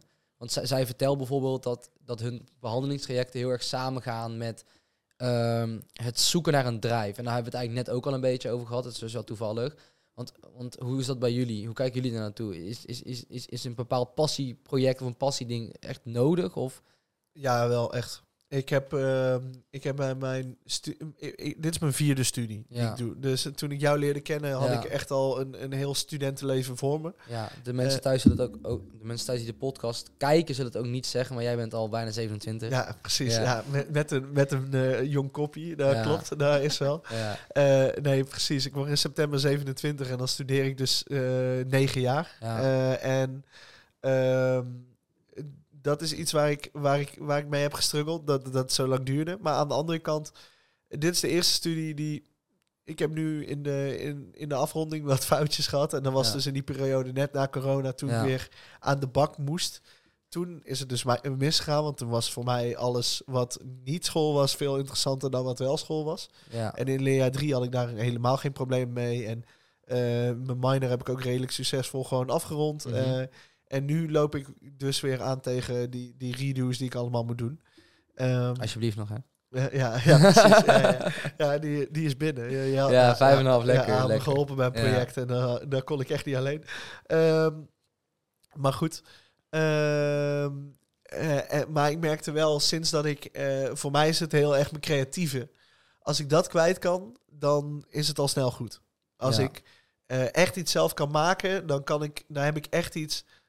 Dit was er zonder mij niet geweest. En dat is voor mij iets heel, heel Ja, eh, belangrijks voor mijn, om mijn ego te strelen. Even heel, ja nee, eh, ik snap ja. wel waar je heen gaat. Dat is wel wat het is. En eh, hoe heet het? Eerste, ik heb dat ook dus een beetje met performance. En daarom ben ik ook begonnen in het leraarschap. Maar toen kwam ik erachter, dat is de verkeerde drive om leraar te zijn. Je bent leraar om kennisoverdracht te doen en om op een goede manier met die leerlingen om te gaan. Eh, en dat zou ik nu nog wel willen doen, maar dan in dit vakgebied Ja, ja, ja. bijvoorbeeld. Dus het is, eh, er is best wel een grote kans dat ik na mijn studie een lerarenvak eh, weer een keer op ga pakken. Maar het is voorna- voornamelijk nu creëren, dingen vet vinden. En ik wil nu heel graag ook afstuderen, omdat ik dan verder kan met mijn eigen bedrijf. Ja. Anders had het voor mij echt niet gehoeven. Ja, want het is, ik ben er wel echt achter gekomen. ehm, studeren is niet mijn ding. Mhm. En eh, het, het levert mij eh, meer stress en gedoe op dan dat ik zou hebben als ik al vanaf mijn 22e, 23e mijn eigen bedrijf had gehad. ja. En ik heb er echt wel heel veel dingen uit geleerd en dingen en kansen gehad die ik, die ik anders nooit zou hebben gehad. Maar aan de andere kant, ik weet niet of het goed tegenover de stress staat die ik er wel door heb gehad. En ehm, het heeft mij ook best wel een knauw gegeven in mijn zelfbeeld. Omdat ik dus gewoon niet zo heel goed pas in in het schoolsysteem. Ja. Ik ben iemand die heel goed dingen kan maken en heel goed projecten uit kan Mhm. voeren. Maar mijn documentatie is niet altijd even sterk. Gewoon omdat ik het niet wil doen. Vind ik gewoon saai. Dus, ja, ja, nee, snap ik. ik. Ik heb daar ook als mening over. Juist daardoor is deze podcast ook redelijk ontstaan. Omdat ik vind dat, dat jongeren best wel allemaal hetzelfde behandeld worden. ja. B- bijvoorbeeld wat jij nu over school zegt. ehm, ik heb een beetje het idee dat het is van... eh, accepteer het gewoon en ga door wat, met wat je moet doen. Wij werken allemaal best, best wel veel naast... Tenminste, we maken wat uren werk. Eh, we zijn met projecten bezig. We zijn met school bezig. We hebben vrienden om te zien. En, en ik heb best vaak het idee dat wij best wel drukke weken hebben. Op, toen ik bij NAC stage liep, heb ik werkweken van 52 uur gehad. Het is te overzien voor een half jaar, maar je bent wel redelijk kapot omdat je daarnaast ook nog vrienden wil zien en dingen wil doen. Ja, En, het is toch niet normaal? Heel nee, en, gezegd. eh, het is, het en dat nu, nu, ik dek mezelf eigenlijk alweer in omdat ik niet als een poesie gezien wil worden. Maar in principe, het is ook niet normaal Als eigenlijk. je nou gewoon nog leuk betaald kreeg bij NAC, dan was het Ja. misschien wel te doen geweest. Ja, het was wel- het was wel heel leuk, dat- ja. Jij deed dat ook gewoon, zeg maar, voor niks. Ja, Dat vind ik ergens gewoon het scherpe randje aan bijvoorbeeld stage lopen. Ja. Als je nou gewoon een leuke stagevergoeding zou krijgen. ik vind ook Mij dat was dat... 4,50 beloofd. Maar ja, trek daar allemaal belasting en alles vanaf. Ja, Ik kreeg 250 euro, daar kan ik niet van leven. nee. Mijn huur is bij meer dan twee keer dat. Ja, en toen voor mij ook geen. Hoe voor mij ook bij de appie verdien ik gewoon echt veel meer dan, dan, dan minimum. Ja, tenminste veel meer dan de gemiddelde student, denk ik, per uur verdient. Maar als, dat hoeft het ook niet van mij te zijn. Maar doe dan op zijn minst zeg dan, oké, voor de uren die je maakt krijg je 10 euro per uur. Dat zou dan neerkomen op 1600 euro per maand. Ik zeg dat. Dan had ik tegen de appie kunnen zeggen, oké, dan kom ik een halve dag werken, of dan kom ik één dag of geen dag werken, of om de week. Precies. En, en, en dat is voor mij ook het probleem waar het fout gaat. De overheid denkt maar, die jeugd redt het wel. Ja, maar je zou toch maar fulltime moeten werken. Daarnaast nog met je bijbaan moeten Ja. werken voor het geld waarmee jij jezelf moet onderhouden. Dan nog een sociaal leven. Dan nog de documentatie van je studie. Ja. Dan heb je nog een huishouden Ja. vaak als je jezelf moet onderhouden. Ik trok het niet hoor. En, En- meestal, meestal leidt studie eronder. Heel simpel. Als je, als je de financiële. Ja, Ja. Want, eh, want de financiële middelen. eh, dan ga je wel in die les zitten, maar alles daarbuiten ga je niet doen. Tenminste, als ik voor mezelf kijk. Wat bedoel je? Eh, nou ja, dan hadden we groepsprojecten. Ja. En eh, hoe vaak ik wel niet heb gezegd. Oh ja, ik zou dat wel doen, maar het komt een dag later, want ik kon werken. Ja. Die, die, die Ja. heb ik echt wel heel vaak moeten gooien. En maar dat is ja. Niet hoe je op een professionele basis met elkaar samen kan werken. Nee, nee. En ik- onze studie bestaat volledig uit projecten Ja. vanaf, het eerste, vanaf het tweede jaar. En in Ja. het eerste jaar ook al voor de helft. Ja, helft. Ik dacht, we hebben vier toetsen moeten maken in een hele opleiding. ja. Ja, precies. En daarvan heb ik er twee niet gehaald. maar, eh, maar eh, goed, maar dat, is, dat is het wel echt. En weet, op een gegeven moment heb ik ervoor gekozen. eh, ik, ik doe alleen nog maar klussen die, ehm, die ik voor mijn eigen bedrijf doe. Die kan ik makkelijk plannen. ja, En ik werk heel af en toe bij een restaurant. ja. Eh, en voor de rest eh, is het voor mij eh, niet te doen om eh, meer te gaan werken. Want ja. ik trek het gewoon niet. En dan heb ik een iets minder royaal leven, want ik moet mijn huur ook gewoon betalen. En dit is dan anti-kraak, dus het valt nog best wel, Mhm. het valt nog best wel goed te doen. Eh, maar eh, hoe heet het? Het is elke maand struggelen en dat levert dan ook weer stress op. Ja. En zo blijft het maar doorgaan. Maar als je, als je het echt allemaal volgens het boekje zou moeten doen, zoals het studentenleven nu staat, zou je dus 40 uur moeten werken. Daarnaast nog tussen de 12 en de 20 uur per week om, eh, Ja. om rond te komen. En dan, moet je je, en dan moet je je vrienden nog zien en een relatie vinden en huisje, boompje, beestje bouwen en dat soort dingen. En dan krijg je gewoon niet gefixt. Ik voel me ook best op mijn tenen getrapt dat wij gewoon geen basisbus hebben gehad. ja, ik, ik heb die nog wel gehad. Maar Ja, ja jij zit lang, maar wij, Maar wij hebben wij echt zitten midden echt in die midden in die, pechgeneratie in die gezeten. wij, wij hebben gewoon zo... met- Ja, ik heb dan het geluk dat mijn ouders mijn opleiding betaalden en mijn pa mijn huur en zo. Dus ik heb er geen last van gehad. Maar alsnog, ik denk bij mezelf ook van... Ja, stel je voor dat ik dat geld per maand had gekregen... hadden mijn ouders mijn huur niet, of mijn studie niet hoeven te betalen. Ja, maar dan nog, hè, dan moet je erbij 1000 werken. euro. Dan moet alsnog, je, alsnog moet je erbij werken. want Maar, ik, ik kreeg met aanvullende beurs, want mijn ouders verdienen niet zo superveel. Ja. Dus eh, ik kreeg 400 euro, 430 euro in Ja. de maand volgens mij. Dan kon ik mijn huur en met de zorgtoeslag kon ik dat van betalen. En dan had ik 50 euro in de maand over. nee, nee, tuurlijk. Maar dat vind en ik... de een- rest dat, moest ik al bijlenen. dat vind ik een leefbaardere situatie dan, dan eh, de, de master achter de jingles van deze podcast, Joffrey. Die, die, die, die leent wel. Een van de weinige vrienden die ik ken die leent. Ik heb, Ja, ik, heb, ik heb dus ook flink bij moeten lenen. Ja. En ik heb best wel een studieschuld. En mijn, eh, mijn ouders weten dat ook. En die vinden dat niet super chill. Maar het is ook wel... Ik heb ze wel uitgelegd als een keuze die ik heb gemaakt. En ehm, met de... Ik heb wel een enorme werkdrive om dat ook nog op te lossen. En dan is het een paar, hond, een paar honderdduizend euro... Een paar duizend euro Ja. is dan gewoon best wel te doen. ja. Maar eh, het, het is wel nog iets wat nog zeker vijf tot tien jaar achter me aan gaat lopen. Maar Ja. ik heb ook niet het idee dat we echt altijd, zeg maar, in deze generatie, in deze tijd, het idee hebben gehad dat het echt een keuze was. Want ik heb niet altijd het idee gehad dat ik op een andere manier dan anders kon. Want ik, Ik- heb wel ik gewoon mijn huur zelf moeten betalen en ja. dergelijke. Ja, ik heb niet altijd het idee gehad dat ik daarin een optie had. Want Ja. mijn ouders verdienen wel genoeg. Dus ik had geen recht op basisbeurs en dat soort dingen. Ja, maar dan moeten die ouders er alsnog voor Ik kiezen sowieso- om dingen aan jou te geven. Ik vind dat echt naaiend dat, dat je het op het basis van het inkomen van je ouders jouw basisbeurs voor bepaalt. Ik snap, ik snap dat je wel misschien. wel, ik snap dat je meer geeft aan mensen die bijvoorbeeld minder bedeeld zijn, dat snap ik. Maar ik wil, kijk, mijn, mijn pa verdiende, verdiende best veel, dus daarom kreeg, daarom kreeg ik niks. Maar kijk, mijn ouders zijn gescheiden. Stel je voor dat mijn pa had gezegd, ik betaal alleen alimentatie en voor de rest basta. Dan had ik ook helemaal niks gehad. En ik heb gelukkig mijn pa me wel ondersteund. Maar ik heb altijd wel ingezien, als die man dat niet had gedaan, was ik er heel erg op genaaid. Omdat die man te veel had verdiend. En daarom ben ik nu blij dat, dat, dat, de, dat de studiebeurs terug is. Dat iedereen er recht op heeft. En dat mensen die dus die het moeilijker hebben door hun financiële afkomst, dat die wel nu nog meer gecompenseerd worden. Ja, ja, precies. Maar dan nog heb je nog steeds te maken met dat je nog flink moet bijwerken. Tuurlijk, tuurlijk. en dat, dat vind ik echt een... Ja, een eh, eh, eh, ik snap dat het is ontstaan, maar het is wel, het is wel de biel. En het is, ja want je eigenlijk kent onze, onze- eigenlijk iedereen die in het studentenleven zit. Zijn, ik denk dat 80% studeert. Uit, Ja. nee, 80% naast zijn studie ja, werkt. ja. En het is meer de uitzondering dan de regel. Je, je wordt als, als, als, als, als saai of zo gezien als je niet werkt. Iedereen heeft een baantje toch? Ik ken een paar mensen die het niet hebben. En dan denk je ook bij jezelf, waarom werk Ja, jij maar niet? ik heb echt vanaf mijn vijftiende altijd een Ja. bijbaan gehad. Ik Ja, vond dat altijd heel normaal. Maar ik denk ook, als je het niet doet... Het is ook wel goed voor je ontwikkeling. Maar in principe, onze studie komt neer op 40 uur per week eh, studeren. Ja, dat kan je er nooit in En, steken. en, maar dan, maar dan dat, dat- als, als, ik Ja, veer- toch? als, ik, als ik 40 uur per week in mijn studie zou stoppen, dan had ik echt 8 en 9 gehad. Dan was ik denk ik de beste van de klas geweest. Een van de. Maar ja, in hoeverre is dat realistisch? Ja, hoe- dat is niet realistisch. Dat heb ik, ik, ik, ik, ik nam genoeg. En daarom denk ik dat we met 5,5 genoeg nemen tegenwoordig. Als ja, je- precies. omdat wij denken van, omdat we denken van, dan heb ik, dan kan ik met, met 24 uur of 20 uur in de week, misschien soms 18 of 16, kan ik genoeg, genoeg goed genoeg cijfer halen. En daarmee kan ik, en dan kan ik alsnog bijwerken en ik kan nog mijn vrienden zien. En dus Maar ja, je moet ook nog compromissen gaan sluiten. Want om het ergens ook een beetje terug te brengen op het onderwerp natuurlijk. ja, Ik had best wel het idee van, ik kan dit niet aan, ik Ja. faal. ja, Terwijl het is eigenlijk, wordt er zoiets bizars Ja. van je gevraagd. Ja, dat is dat het dus. helemaal niet raar is dat, dat je het niet aan kan. Dat ik het niet trok, is niet...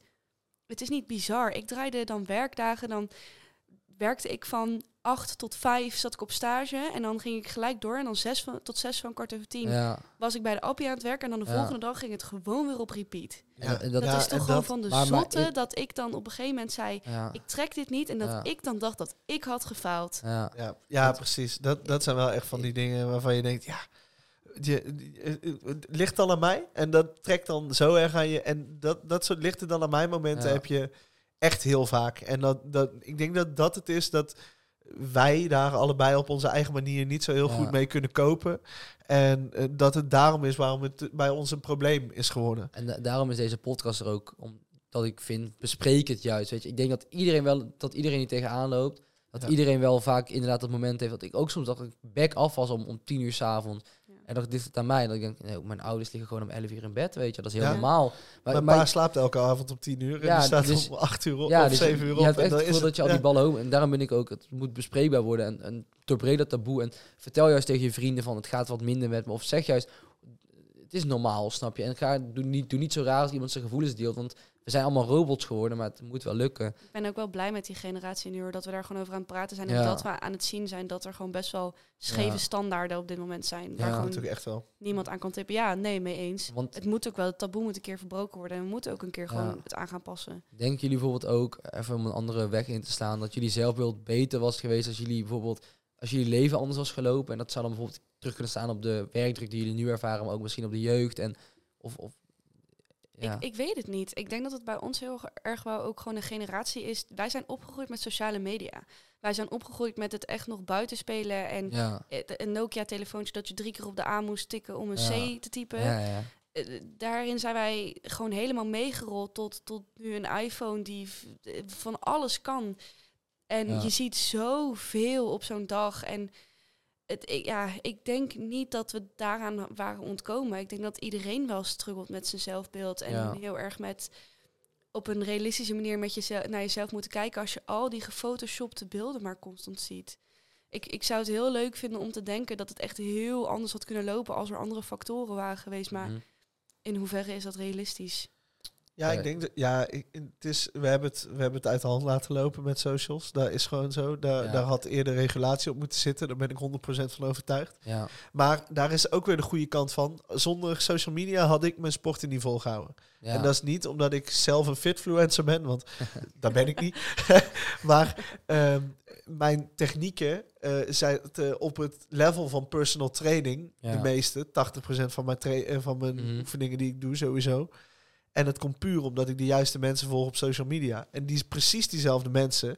Die zijn, zitten allemaal aan de anabolen, zijn allemaal Ja. fucking sterk. En die is, brengen tegelijkertijd met... ik ben iets op superhoog niveau aan het doen. ehm, wat elke week waar ik, waar ik mijn, mijn dopamine rushes en zo uithaal. En eh, toch knaagt het aan mijn zelfbeeld, want ik weeg gewoon te veel. Dat Ja. is gewoon, want mijn vetpercentage is te hoog. Eh, en dan word je dan eh, tussen neus en lippen door een paar keer verteld. En dan heb je dat zo, ja, dat gaat dan knagen in je achterhoofd. En, eh, en om terug te komen op jouw vraag, ik denk dat dat het is. En dat Ja. dat een van die dingen is, dat er misschien meer begeleiding had kunnen zijn op de groei van social media en hoe je daarin met elkaar erom moet gaan. En de andere, waar we het net al deels over hadden, de, ehm, het, on, het missen van een financieel vangnet tijdens je studietijd. En tijdens je... Ja, het is een soort van struggles van ga ik het wel redden in combinatie met ben ik wel goed genoeg en dat samen ja, Ja. het, het helpt elkaar alleen maar omhoog natuurlijk. je, Maar ja, wat je- jij ook zei net, van ik zit op mijn vierde studie. Ik, ik ben net gestopt met mijn tweede studie ook. Ja. En ik ga aan een derde dan hopelijk beginnen. Ja, weet je, het zijn toch weer van die kleine faalmomentjes van... Oké, het, het, ik kan het dus toch niet. Maar ja, zo be it, weet je, als je als ja, ik die, en dat is, maar dat is wel Ik iets, heb weet je wel, zo ja. be it. En Ja, ik kan het ja. niet. Dat, Ja. is, dat is best wel iets in je hoofd waar wat, wat nog moeilijk kan zijn. Want ik, heb, ja. Ik ben docent biologie gaan studeren en ik heb pas in december gezegd... Oh, ik Ja. ook. dat, was ook dat was ook mijn eerste studie. ik wist het, ik wist Ik het ken van, echt niemand anders buiten de studie die Oh, dat leuk. Je praten we na de eh, eh, aflevering er even over door. Ja.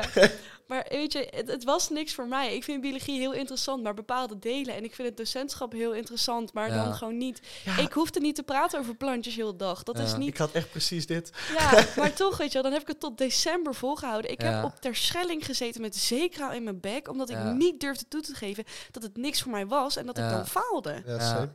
En dat is een beetje, dat is een beetje Ik denk- deed? Ik, ook op de vlot in Tilburg. Ja. Ja, ja, ja, ik- ja, ja, maar bij mij was dit dus in 2014. Maar, maar ik, denk wel dat het, maar, maar het is ja. dit wel, want je, is- je wordt vanaf de middelbare school, word je dan, eh, tenminste, ik was 16, ik had echt geen idee waar Ja, ik ik mee was bezig 17. was. Ja. nou ja, ik was 17 inderdaad, maar op die 16e kies je dan Ja, Ja. oh, welk profiel je moet en zo. Ik ben echt, als ik terugkijk, ik had meteen al kunstgeschiedenis moeten hebben en geschiedenis. Want als ik nu kijk naar welke, eh, welke, welke dingen ik interessant vind, dan zit het daar gewoon. ja. En ik heb gekeken naar eh, leraar bio en leraar aardrijkskunde. En voor de rest heb ik niks anders bekeken qua vervolgopleiding. ja. Ik ben nu mediamaker. Eh, ik ben de hele dag bezig met visuele media, dat soort dingen. Ja. om, om daarmee bezig te zijn. Eh, heel mijn TikTok staat ermee vol. En ik hou van. en ik vind bodybuilding interessant. Dat zijn de twee Ja. dingen die nu het meest. Ja, ja, die Ja, nu toch nog ergens een hit biologie. ja, ja, precies. Ja, ja, precies. Dat is het wel. En ik hou dan van praten. Nou, dat komt dan in dit soort dingen goed terug. Maar dat is wel echt. ehm, dat is wel echt. eh, dat soort dingen. Die, die, die kans heb je niet gehad. Want je bent gewoon maar bezig met. Wat verwachten mensen van me? Nou, ik kon dus goed praten. En ik, ik was vrij, vrij pinter. Eh, en eh, biologie was een van mijn beste vakken. ja. Nou, je kan de, je kan de puzzel wel leggen, Ja, zeg ja. maar. En o- hoe heet het? Toen ben ik dat gaan doen. En vanaf toen werd het paniekvoetbal. Want dan is je hoofd boven water houden. Zonder dat ik ooit, terwijl ik al vanaf mijn negende toneel speelde. En vanaf mijn zestiende heb ik voor het eerst mijn camera in mijn hand gehad. Omdat ik een keer met een maatje mee mocht op een klus. Ja. Ja, hoe heet het? Toen had ik ook al andere puzzeltjes kunnen leggen. Maar dat Ja. komt er gewoon niet van. Omdat je dus moet blijven rennen, blijven rennen, blijven rennen. En Maar anders dat was toen, heb weet je je, het gevoel dat je faalt. dat is bijna tien jaar geleden nu. Hè. Ik wil dat, dat bedoel ik niet, niet vervelend. maar dat is echt wel zo. dat ja. is wel, toen was er een hele andere. In die tien jaar is er heel veel ontwikkelingen geweest, ook op wat acceptabel is Ja. om te gaan studeren. ja. I mean, zo'n zo'n zo'n mediaopleiding, dat had je tien jaar geleden had je dat niet. Nee, zeker dat was niet. geen optie. Nee. dat was precies. niet. Mijn dat was vroeger, niet. je had iets van 12 opleidingen of zo. Ja. in zijn ja, tijd. en als je ja. nu gaat kijken, je kunt het echt 36.000 Ja. richtingen op. Ja. Maar nogmaals, tien jaar geleden was dat er nog niet. Nee, Ja, klopt. je had ook geen keus, zeg Ja. maar, daarin. Je kon dit niet. Ja. Ja, en bij mij was het ook nog zoiets van, ik wil baanzekerheid. Dus ja, en hier was ook geen baanzekerheid in, want het was allemaal nog nieuw. Ja. precies. En eh, terwijl media een van de dingen is die altijd blijft bestaan. Alleen Ja. was het eerst een heel afgekaderd ding. En Ja. nu is het een veel gangbaarder ding. Er zijn nu heel veel mensen die creative business of iets anders media gerelateerd studeren. En b- bijvoorbeeld ook zo, eh, dat ik, ik speel vanaf mijn negende theater. En toch heb ik, eh nadat ik eh, mijn studie leraar bio eh, eh, was gefaald, als het ware. Eh, het was geen falen, maar het was gewoon niet goed op je plek zitten. Eh, had ik de keuze tussen, ga ik de PABO doen? Want daar was... eh, Mhm. Oh mijn god, dat was mijn optie daarna. ja. Ja. En, eh, eh, en dat ben ik ook gaan doen. Dat ging best goed. Of eh, docent theater. ja. En eh, ik speelde al vanaf mijn negende toneel. Ik kan dat echt best wel prima voor een amateur. Ja. En toch had ik de, de ballen niet om me in te schrijven. Ja. Gewoon puur omdat je zelfbeeld daar al, eh, daar al zo was gevormd van... Ja, Ja. je hebt Maar toch... toch ook weer de baangarantie. Daarna nog een keer Ja. dat, dat falen misschien moeten doorgaan. Ja, precies. Dadelijk kom je daar niet niet- niet door. Gewoon, die, gewoon dat alleen al. Terwijl ik denk... Ja, maar eh, ik, ik had dat misschien wel gekund. Ik, was, ik had misschien daar... Maar nu, al die mensen die, die dat gaan doen... die hebben al een vooropleiding gehad en dit en dat. En eh, dat, dat, dat wordt al zo gevormd. En je, je krijgt vanaf, zeker... je- je krijgt vanaf zo'n jonge leeftijd al een soort van pad van... ga dit maar bewandelen, want dan faal je niet. Ja. en als je ja. daar buiten wil lopen, dan op wat voor manier dan ook... eh, eh, dan, dan, is het altijd, dan is het altijd gewoon meteen. Zou je dat wel doen? Ja, ja. Terwijl in plaats van dat je mensen eh, even laat gaan en op hun bek laat gaan, ja. is het. en dat zou je dan wel doen, is ga het maar eens doen. Ik denk dat we daar meer naartoe moeten. Dat mensen dat meer moeten gaan accepteren. En dat Ja. is een van de dingen die ik in mijn, mijn therapie eh, heb geleerd. Van, ga het maar gewoon doen. Ga het maar gewoon proberen. Zeg maar een keer, ga maar een keer op je bek. Zeg maar een keer iets wat net niet lekker valt. Ga maar een keer iets doen. Leven na het leven. Ja, precies. Van, ehm, doe maar eens een keer een project wat eigenlijk net iets te ambitieus is om, eh, om goed, te, goed te gaan. Ja, maar waarom dan niet? heb je het wel leuk gehad, toch? Ja. Ja, zeker. Ja, ik wil eigenlijk, ik vind het echt super interessant. Ja, maar we kunnen hier volgens mij nog uren over We doorpraten. moeten- maar ik, heb ook, ik heb format. ook het Ja, gevoel dat we drie uur hierover kunnen praten, maar we moeten echt even door en dan eh, gaan we naar het volgende onderdeel. Wat vinden media? Het gaat over seks. Ouderen hebben dat steeds meer. Jongeren hebben juist steeds minder seks. We vertellen hoe duizenden gezinnen in armoede leven door een fout van de overheid. In het eh, stukje Wat vindt de media eh, probeer ik mijn studie nog een beetje in deze podcast te verwerken. Ik doe namelijk een eh, mediastudie en ik probeer elke week een eh, mediafragment mee te pakken omtrent het onderwerp. We hebben al een, wat hebben we vorige week gehad? Dat was een TikTok, dat was een TikTok. Volgende week even een andere, want die is al opgenomen. Maar nu hebben wij een Instagram fragment, dus ik wil even met jullie naar deze Instagram Voor de post gram, alles voor de gram. alles voor de gram. Even naar deze Instagram post kijken. En eh, jullie meningen graag over horen. Dus ik zal hem even zo houden. Oh, hoor ik, moet, ik niks. moet er wel aanzetten, dat is op zich wel handig. Heeft. Poging 3. Wist jij je eetstoornis wel eens? Ik snap deze vraag zo goed, want een eetstoornis heeft een functie. Ik zeg het wel vaker. Je kiest niet bewust voor een eetstoornis, dat overkomt je eigenlijk meer. Eh, Maar je ontwikkelt het als een manier om om te gaan met het leven, met de dingen die je moeilijk vindt, wat dat ook is. En wanneer je bezig bent met herstellen van een eetstoornis of hersteld bent, is het leven niet ineens alleen maar roze geur en maneschijn. En kan er veel weggestopte pijn naar boven komen. Pijn die je met je eetstoornis dus had weggestopt. En dan is het helemaal niet gek dat je dus het gevoel kan krijgen dat je je eetstoornis mist. Dat je je eetstoornis mist terwijl je goede stappen aan het zetten bent in herstel. Of tijdens dat laatste stukje eetstoornis wat niet helemaal meer een eetstoornis te noemen is, maar toch ook weer een beetje wel. Of, of dat je bang bent voor dit soort gevoelens. Persoonlijk kan ik op dit moment zeggen, nee, ik mis mijn eetstoornis totaal niet. Nooit. Dus het kan echt anders, want ik herken de gevoelens wel. Ja, zoals ik al zei, die eetstoornis heeft een functie, ja, maar het maakt niks beter, het lost niks op, het is het uitstellen van je leven op een doodlopend pad. Het maakt vooral heel erg veel stuk. En het leven na herstel, niet dat je niet leeft tot je hersteld bent, maar om het zomaar even te noemen, leven na herstel doet soms ook pijn en is ook niet altijd makkelijk, maar door dingen te verwerken, door te praten over hoe je voelt, door om hulp te leren en mogen vragen, door steeds beter voor jezelf te leren zorgen met compassie en door niet zo heel erg streng voor jezelf te zijn, kan het echt anders. Kan je leven zonder eetstoornis. En ook al is geen enkel leven perfect, dat hoeft ook helemaal niet. Het hoeft niet om van het leven te kunnen genieten. En een leven zonder eetstoornis is zoveel leuker, fijner en bovenal vrijer. En dat verdien jij gewoon. Maar als je dat gevoel van ik mis mijn eetstoornis dus ervaart, schaam je er niet voor, want het kan er echt bij horen. Ik denk dat het heel belangrijk is om juist over dat soort gevoelens te praten als je ze ervaart. Want het zegt vooral iets over een bepaalde behoefte die op dit moment niet wordt vervuld. Of een bepaalde angst die je hebt. Waar die eetstoornis dan een rol in kan spelen, maar wat echt anders kan en mag. Dus praat erover met je omgeving en je behandelaren. En wees ook welkom bij ons op het forum en in de chat. Als je met iemand wil praten die dat was eh, Proud to be me NL. Eh, ik zal in de show notes ook een linkje zetten naar het eh, fragment. En daar gaat het eigenlijk over dus de eetstoornis, wat ook een natuurlijk een misschien wel het meest extreme beeld van zelfbeeld is mogelijk. Je ziet jezelf natuurlijk letterlijk anders dan dat je bent. Of- tenminste bij, bij bepaalde, bij anderen weer niet. Maar ehm, ja, ik vind het best wel.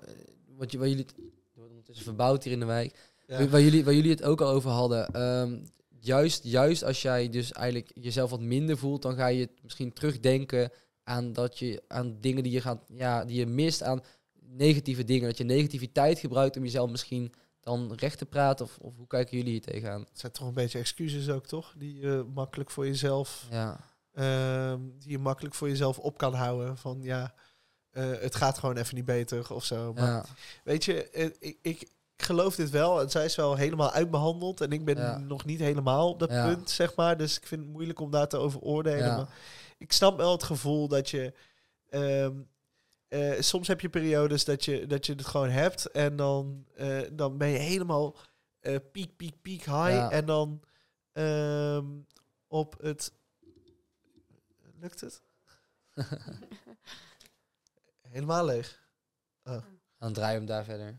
Ja, eh, ik Ja. kan even een batterijtje pakken. Nee, het ruim was het is al bij, we moeten eigenlijk zo weg, dus dan. eh, Oké, eh, maar eh, waar was ik?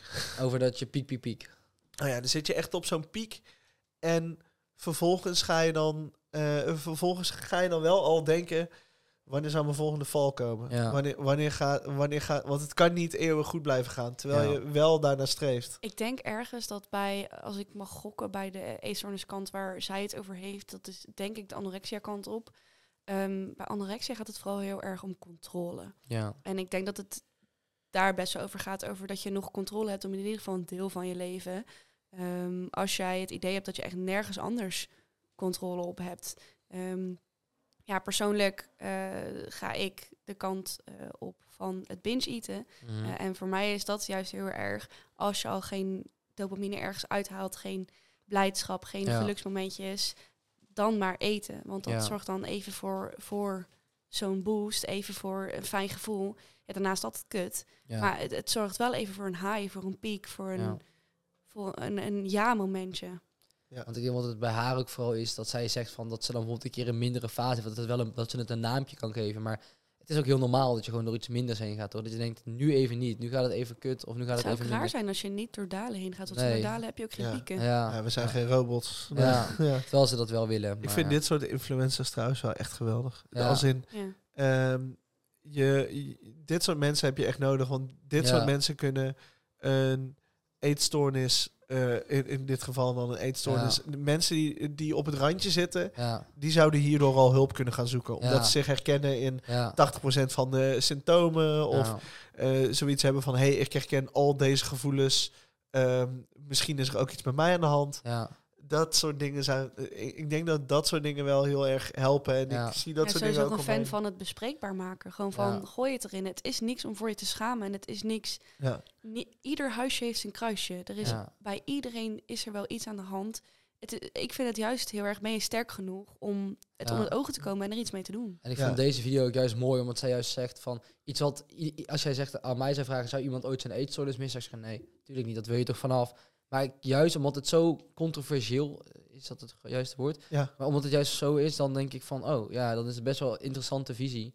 Ja, en ik, ik, ik zou ook wel hierbij eh, willen zeggen, ga jezelf niet diagnosticeren, maar Ja. nee, als, je. Ja, als je jezelf herkent, eh, zie dit wel als een soort van outreach van, ja zoek hulp. Ja, van zoek hulp en, en, ga... en ga laat je daar de diagnose staan. ja, precies. Zeker. Laat, Ja. laat je door een Wachtlijsten zijn professional... lang, want, dus doe het snel. Ja, en wat je, wat je wel... Vaak is het issue waarvoor jij zit heel Ja. anders dan... Of hoe jij het in je Ja. hoofd hebt, heel anders dan, Ja, dan, dan wat er uiteindelijk aan de hand is. En zo'n professional kan je daarbij helpen om op het goede spoor te zetten en je veel meer gerichte feedback geven. Terwijl als je daar zou komen met... Stel, ik zou daar komen met... Ik heb een bipolaire stoornis en Ja. ik blijk een depressie te hebben. Dan Ja. is die behandeling heel anders. Klopt, ja. Dus ga jezelf niet diagnosticeren. Omdat, want al die ziektebeelden lijken een beetje op elkaar. Maar die nuanceverschillen zorgen wel voor een hele andere behandeling.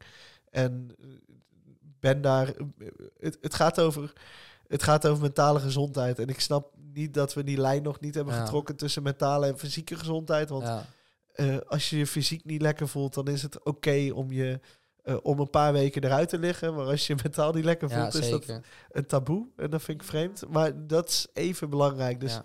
be- zorg goed voor jezelf op dat beeld. Dat vind ik een goede tip. En over tips gesproken. Do's en don'ts.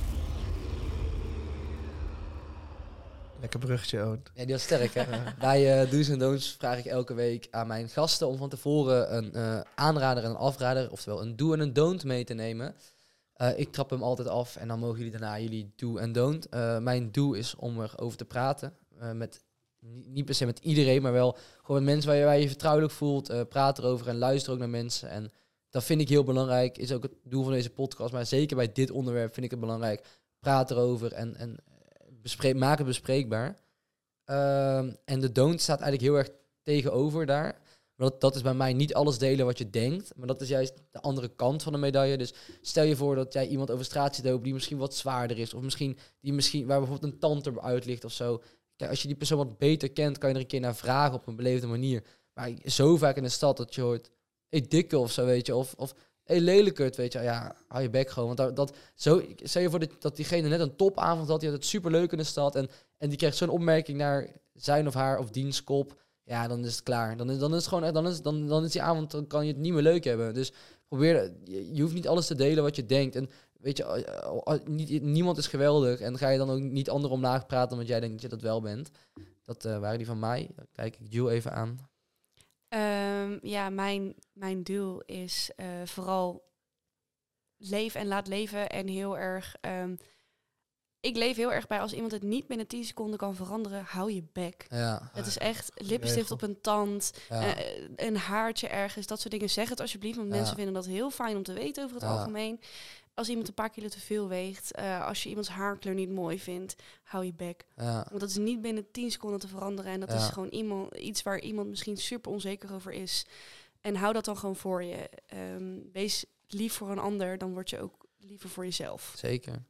Had jij nog een dood? En mijn don't is heel erg niet opkroppen. En wees alsjeblieft niet te bang om een stap te zetten naar hulp, naar Ja. professioneel iemand. Al heb je maar twee gesprekken nodig met een professional en het helpt jou al, dan, dan heb je al gescoord. Zeker. Dus hou, krop het niet op. Daar ben je echt zo ver mee van huis. Ja. Liever nu dan dat je over twintig jaar kinderen hebt die last hebben van jouw trauma en van Ja. jouw problemen. Mooi. Ehm, ik, ik heb mijn doel gestolen uit een Ja. andere podcast. Nee, is goed. dat is eh, run the dishwasher twice. Oké. En dat is... Vaak heb je... eh, als je een kutdag hebt, Ja. dan voelt alles zwaar natuurlijk. En dan maakt het niet uit dat je een keer opnieuw de, de, de vaatwasser... Of eh, ik heb heel vaak dat ik mijn kleren vergeet. En iedereen weet in de, in de eh, wasmachine. Ja. En iedereen weet hoe naar dat ruikt als je Ja. dat te lang dicht laat stikken. Zet hem gewoon opnieuw aan. ja. Het boeit niet. Het maakt niet uit. Je kan daar de hele dag over balen. Accepteren. En eh, het maakt niet uit. Het hoeft niet allemaal efficiënt te gaan. Als het, als het maar voor jou een goed gevoel geeft dat het fatsoenlijk is gebeurd. En het met die, eh hoe heet het, met die, eh, eh, hoe heet het, wasmachine. ja. Dat is echt zo'n voorbeeld. Want of je hebt de week daarna stinkende kleding, of je hebt er nog een keer aangezet en het ruikt toch nog naar bloemetjes. Ja, Ja, dat is wel zeker. Het, het- een van de beste, betere voorbeelden. En mijn don't, die had ik daar straks. Oh ja, isoleer jezelf niet te veel. Oké. En het zit al een beetje met. met het zit eigenlijk bij jullie don'ts eh, er een Ja. beetje bij in. Maar ehm, soms kan het door schaamte, door wat dan ook, door.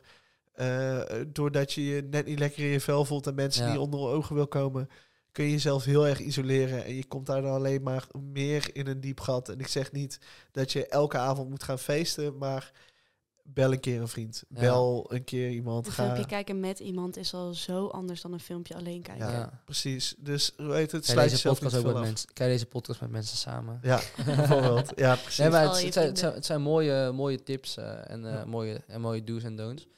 Ik wil jullie heel erg bedanken voor jullie openhartigheid en voor het mooie gesprek.